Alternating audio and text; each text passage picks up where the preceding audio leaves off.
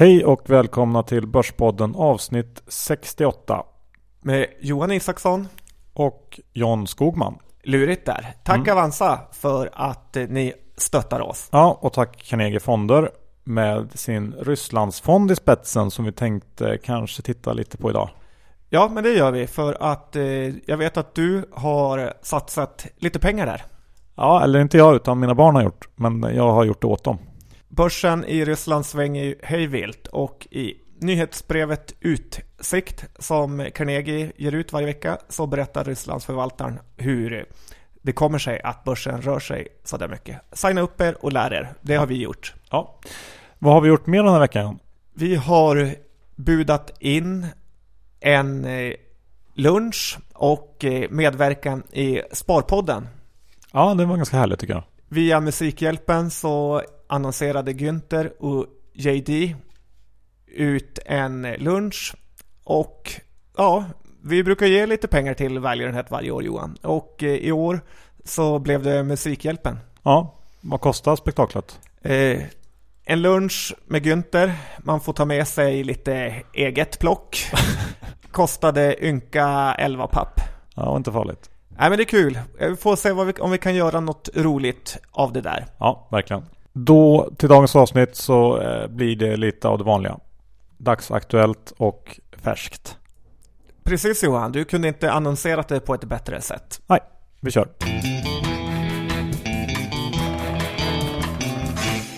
Johan Isaksson, förra veckan var du starkt eh, negativt, vilket visar sig oerhört rätt. Index har fallit tillbaka rätt mycket och handlas nu kring 1400.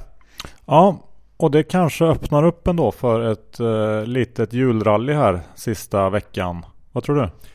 Ja, vi brukar ju få en stark eh, avslutning på året av eh, diverse skäl. Men eh, ett fall öppnar upp för en uppgång även om det finns en hel del att eh, oroa sig för. Vad beror ja. fallet på Johan? Ja, nu har ju fokus legat på, på Ryssland och oljan och eh, oro för vad det kan ge för spridningseffekter kanske man kan säga. Um, men mer om det senare. Men, men, om man bara ska ta det med börsen så tror jag Jag tror ändå att vi kanske kan få en liten studs nu in mot uh, slutet på året. Och att man kan lite spekulativt uh, köpa på sig diverse aktier. Uh, men sen så tror jag ändå att vi kommer att få en lite större rekyl eh, i början på nästa år. Så att jag, jag navigerar efter den kartan nu. Är du trader eller är du trader? Och jag ser till exempel eh, att det kan finnas en risk här i början på nästa år att, att marknaden blir besviken på ECB och Draghi. Jag läste att Bloomberg hade frågat eh, ehm, ett gäng förvaltare på vad de tror om ECB framöver och 90% tror på storskaliga köp av eh, government bonds av ECB nu. Och ja, minsta tvekan från Draghi där tror jag kan eh, utlösa rädsla. Eh, även det här med Grekland tror jag kan dyka upp igen. Att det, det kommer ju ske omval där och det finns ju en risk att en eh, icke EU-vänlig eh, eh, ledning tillsätts där och att det kan bli lite fight kring deras eh, lån. Och de ska omfinansiera en väldigt stor del av sin eh, statsskuld nästa år så att det kan bli stökigt i med det där. Och ja. tala om gre Grexit igen och allt det där. Ja, det har ju varit en eh, väldiga kursras på den grekiska börsen. Ja, exakt. Och det är väl början på, på en sån rädsla. Så att, eh, jag tror nog att eh, det, det, marknaden kommer att börja oroa sig allt mer här efter jul för olika saker. Vi har ju varit immuna mot dåliga nyheter ett tag och ja, det där svänger snabbt. Men nu är det ju Ryssland som är på tapeten också. Mm. Vad har du för kommentarer kring det? Nej, men alla vet väl liksom ner 20% eller mer på två dagar här i början på veckan. Eh, vilket beror på sjunkande olja och rubel som kollapsar. Eh, och man kan ju fråga sig vad det, vad det, här, vad det finns för spridningseffekter som eh, man ska se upp för eh, i det här. Och då läste jag att um, Ålandsbanken hade tagit upp det här att det finns um, det, det, Ryssland har ju inte så mycket handel egentligen med omvärlden. Det är inte så stor del av, av global BNP. men det finns ändå en exponering inom banksystemet mot Ryssland. Och um, det finns 235 miljarder dollar i utlåning. Varav 70% är till ryska företag. Och där man väl kan anta att en ganska stor del är energirelaterade företag. Um, och då har europeiska banker 75% av den här utlåningen. Vilken är i Sverige man ska passa sig för? Ja, då är det väl Nordea som är mest utsatt. Svenska banker har, har 9 miljarder i, i 9 miljarder dollar i utlåning. Uh, och det har vi sett på Nordea-aktien också de sista dagarna att den har åkt på rejält. Ja, det har den gjort. Eh, om vi tittar på oljan då Johan, så har den också kollapsat. Ja, eh, och eh, det där eh, det tvistas ju fram och tillbaka om det är bra eller dåligt eller hur man ska se på det här. Och på lite längre sikt tror jag också att det är ganska bra för, liksom, för de flesta att energin blir billigare. Det är aldrig bra när det på kort, väldigt kort tidsperiod går ner snabbt och brant och då händer det konstiga saker. Det här har vi pratat om tidigare.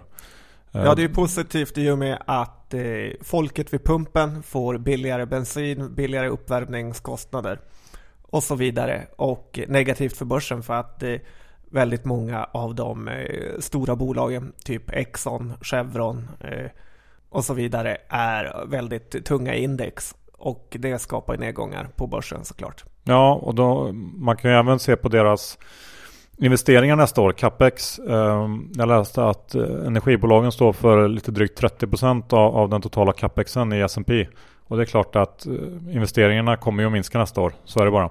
Och en hel del av de eh, nya jobben som skapats har ju också varit i shale gas-sektorn, eller Ja. Jag har en siffra att sedan 2010 så har det skapats knappt 10 miljoner jobb i USA. Varav 2,3 miljoner kommer ifrån energisektorn. Och eh, ja, det där är ju inte heller särskilt kul på kort sikt. Och då får man väga det här mot att, eh, att den genomsnittliga amerikanen kommer att få ungefär 550 dollar mer i plånboken nästa år när de har tankat klart. Hur är det i Arvika då? Får man jobb på en oljeplattform i Norge längre? Jag vet faktiskt inte, men eh, jag antar att det är tuffare nu. Och jag tror att många ICA-handlare längs gränsen också eh, är lite missnöjda med det här. Mm. Både att, eh, att ekonomin i Norge mattas av och att norska kronan har tappat ganska mycket. Intressant.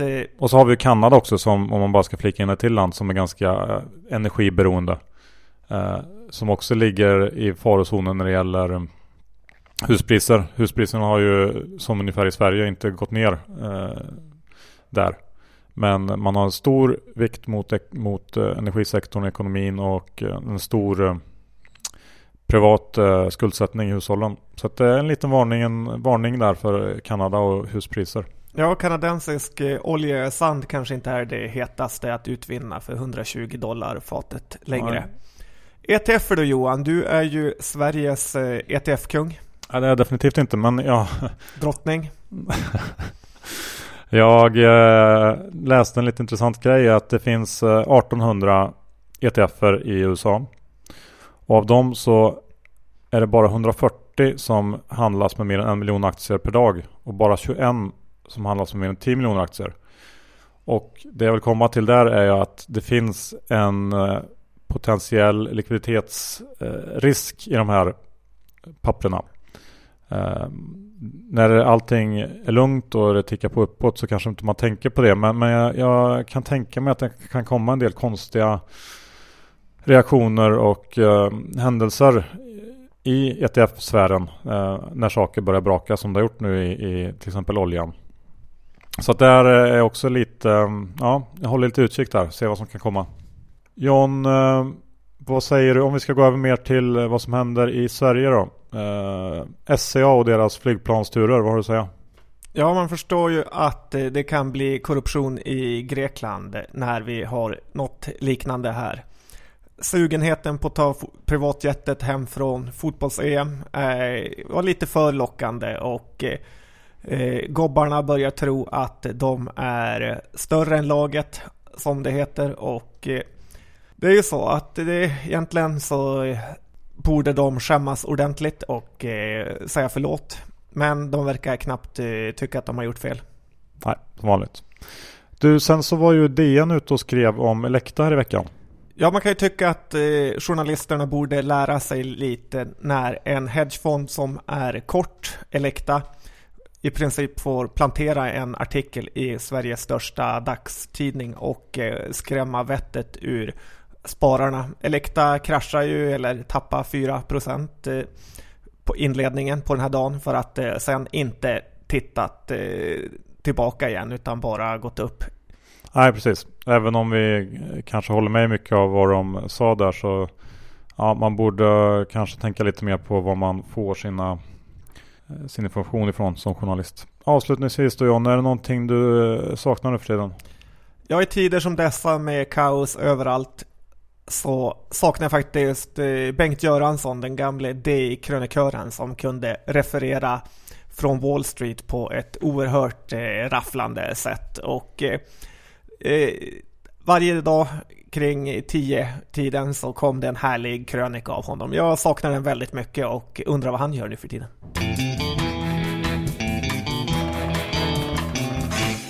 Ska vi köra igång bolagsdelen med en helt dagsfärsk nyhet John? Ja, Elanders, Viktor Henriksson på Carnegies favoritbolag gjorde en omvänd vinstvarning, det vill säga höjde prognosen att eh, resultatet eh, skulle bli mycket bättre än eh, marknaden har väntat med. Det var rätt oväntat i tider som dessa att man skulle höja prognosen. Ja, men hur, hur ser Elanders ut nu då tycker du?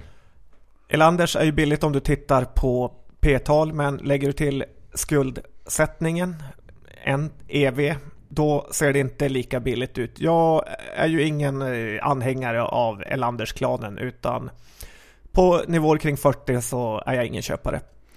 Nej. Mekonomen då John? Mekonomen ja, dumpade Danmark. Eh, det eh, värsta landet ett svenskt bolag kan ge sig in i. Och helt rätt fick belöning på aktiekursen som har i princip stigit sedan de släppte sin rapport och vi har nog kurser över 200 här inom kort. Ja, det känns som det. Eh, jag såg att de flesta justerar upp vinsten också nu nästa år med ungefär 10% tack vare den här eh, Danmarks nedläggningen. Eh, så att här finns det nog lite mer bränsle faktiskt. Om vi tittar på Doro då Johan, de gjorde ett nyförvärv. Ja, vad var det de köpte egentligen? De köpte ett bolag som heter CareTech och det skulle ha fantastiska 20-procentiga marginaler och samtidigt som det är inne i ett turnaround case. Eh, jag tittar upp det här bolaget på alla bolag och jag kan inte förstå hur det här bolaget ska kunna börja tjäna 30 miljoner per år eh, och ha sina 20-procentiga marginaler när de går med förlust innan. Så att eh, vi höjde Doro på låga 30. Nu är de närmare 40, då sänker vi dem. Köp dags att skiljas från aktien alltså. Köp billigt, sälj dyrt. Ja, det brukar vara bra. Um, sen har ju Carnegie gjort ett analyssvep över alla preffar. Ja, det är väldigt kul att banken som har gett ut, kanske tillsammans med Swedbank, allra flest och mest eh, preferensaktier också gör en liten genomgång av dem. Och eh, en väldigt bra lunta som eh, om ni har tillgång till den tycker jag ska sätta er in i för att förstå preffmarknaden lite bättre och det man kan ta med sig därifrån är ju att Rutger med eh, Klövern är de som har gett ut eh, obeskrivligt mest eh, preffar. Eh, även Akelius och SAS ligger i över 3 miljarders klassen där. Mm. Okej, okay. uh, om vi letar oss ner och lite på listorna så har vi ju ett bolag som är på väg att avnoteras, Rasta. Ja, nu tittar du långt ner. Rasta, de som har lite halväckliga rastkrogar runt om i Sverige ja. har, ska avnoteras. Och det här tycker jag ju är i princip en skandal hur istället för ett utköp så tar eh, ägarna och säger att de ska avnotera bolaget. Aktiekursen mosas fullständigt och eh, du tvingas att sälja om du inte vill ha dina aktier på alternativa aktielistan. Så att eh, skäms Rasta och jag stannar på McDonalds i framtiden. Mm, inte snyggt. Ska vi gå tillbaka till preffarna lite snabbt bara. Hemfosa här. Eller kanske både aktien och preffen. Ja, de har ju nyligen gett ut sin preff som vi gav en köprek på. Eh, den kom in på eh, 325 och eh, har väl inte stigit jättemycket över den kursen. Även om den inte har gått ner så har du en liten vinst. Eh, vad gäller stamaktien så har ju den eh, gått bananas i och med den nya vdns eh, tok eh, aggressiva eh, hållning till förvärv och eh, dag efter annan eh, kommer det in 100 miljoners förvärv i det här bolaget. Mm. Jag passar mig lite för att en vd som är så här aggressiv på de här nivåerna och aktien har ju gått fantastiskt bra upp emot 150 kronors nivå nu. Så att här ställer jag mig på säljsidan och tar hem vinsten. Ja, jag håller med dig där. Sen tänkte jag att vi går över till ett eh, litet eh, hörlursföretag som du har varit kritisk till eh, tidigare som kom med rapport idag. Jace heter det bolaget. Ja, jag är väl eh, lite ledaren i Jace eh, negativ-sekten och det har vi fått en hel del skit för på Twitter Johan, att vi inte eh, har gillat Jace när alla andra har gjort det. Mm. Kan du berätta lite om rapporten som kom? Ja, jag har tittat på den som hastigast men, eh, och det man kan säga är väl att väldigt, eh, det finns ingen tillväxt i det här bolaget, de tjänar knappt några pengar och konkurrensen inom det här området hårdnar för varje dag som går. Uh, man ser hur man får uh, Beats-lurar när man köper eh, en ny Apple från Telia till exempel. Eller om man får Marshall-lurar till exempel. Det där kommer bara fortsätta tror jag. Och, det, jag tycker att det ser ut som att det blir svårt för en sån här liten spelare som Jace att slå sig in i den här extremt konkurrensutsatta nischen. Ja, det ser man att marknaden också tycker och aktien faller över 20% idag. Vi har ju sålt den länge i vår mentala tanke, så vi fortsätter väl med det. Ja. Sen har vi Seamless, eh, Johan. Eh, Seamless ja, med sin betalningsapp Secure som en gång har sponsrat Börspodden faktiskt. Ja, jag använder den fortfarande och gillar ju mobila betalningar. Ingen annan gör det här i Sverige och ingen annan gillar aktiekursen eller aktien. Och nu gör inte ens vdn det som eh, vräker ut aktier dag efter dag. Nej, men vi har väl både hört och läst att, att han är lite eh, överbelånad kanske man kan säga. Ja, det känns väl rätt eh, självklart med tanke ja. på att man annars aldrig skulle sälja aktier nu och inte när den stod i 40. Så nu måste han pytsa ut eh, aktier dag efter dag, vilket ju måste vara tråkigt. Men ja, det, det känns svårt att se någon slags vändning för det här bolaget faktiskt. Ingen hjälp av Kinnevik där? Nej, det verkar som att de har gett upp det där, tror jag. Gänget bakom Cassandra har en ny hit som eh, kom ut här till lagom till julafton. Present till ett an, en antipresent till sina anhängare. Ja, de radar ju upp jordfräs efter jordfräs det här gänget och eh, man ska ju verkligen, jag vill betona det, akta sig för att köpa in sig tillsammans med de som står bakom där. Nexam, Cassandra, eh, Vigmed är väl också med i den här skaran bolag bland annat. Uh, nu var det Nexam det handlade om. Uh, som idag meddelade att man uh, fick avbryta ett av de här ja, testförsäljningsförsöken de hade med BASF, säger man eller? Ja, det tyska giganten. Ja. Och aktien ner rejält på det.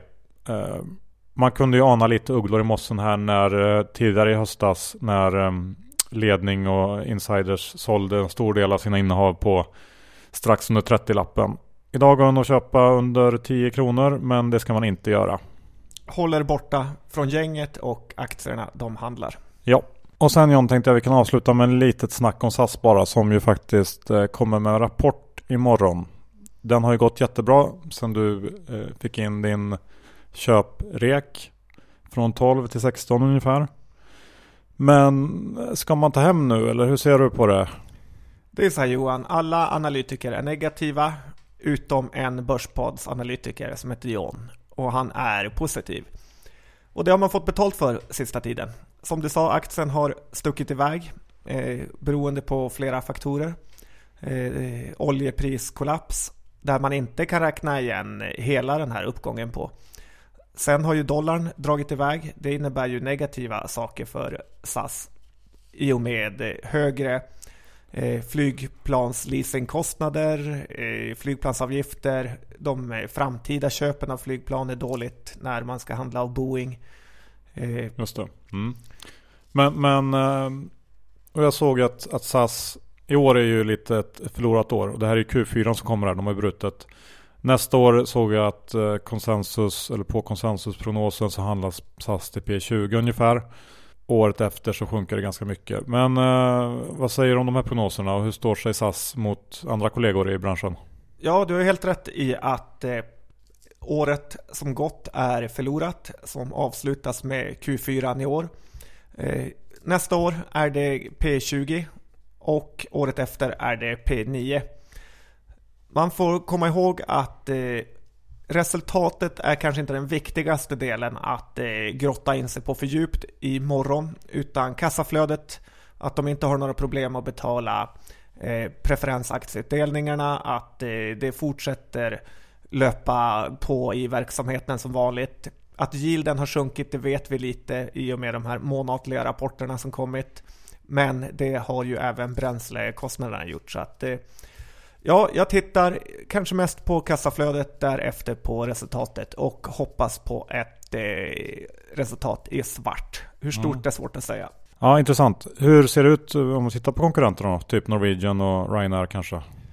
Ja, Ryanair är ganska högt värderat kring P17 och eh, vad gäller Norwegian så är det betydligt lägre värderat men den har en oerhörd eh, skuldsättning med sig i bagaget. Positiva andra saker med Norwegian är att eh, de har eh, en oljepris som är helt ohedgat och eh, kommer tjäna kolossalt på det här.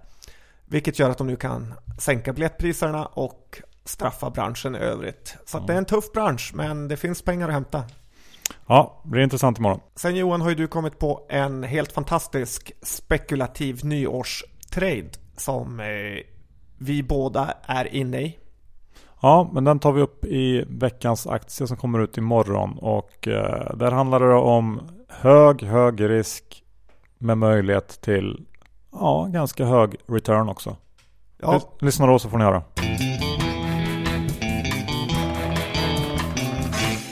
Avsnitt 68 eh, Johan, klart. Ja, lite sådär mellanavsnitt kan jag väl känna nu direkt efter. Är inte mellandagarna än. Nej, men vi, eh, vi laddar väl upp lite inför eh, de härliga jul och nyårsavsnitten. Ja, tack Avanza. Tack så mycket och tack Carnegie Fonder. Carnegie Fonder, Rysslands fond. Om ni vill vara med på något kul så för det första signa upp er på deras nyhetsbrev där den här veckan så gick förvaltaren igenom eh, vad som händer i Ryssland och varför det går så dåligt. Kul läsning. Mm.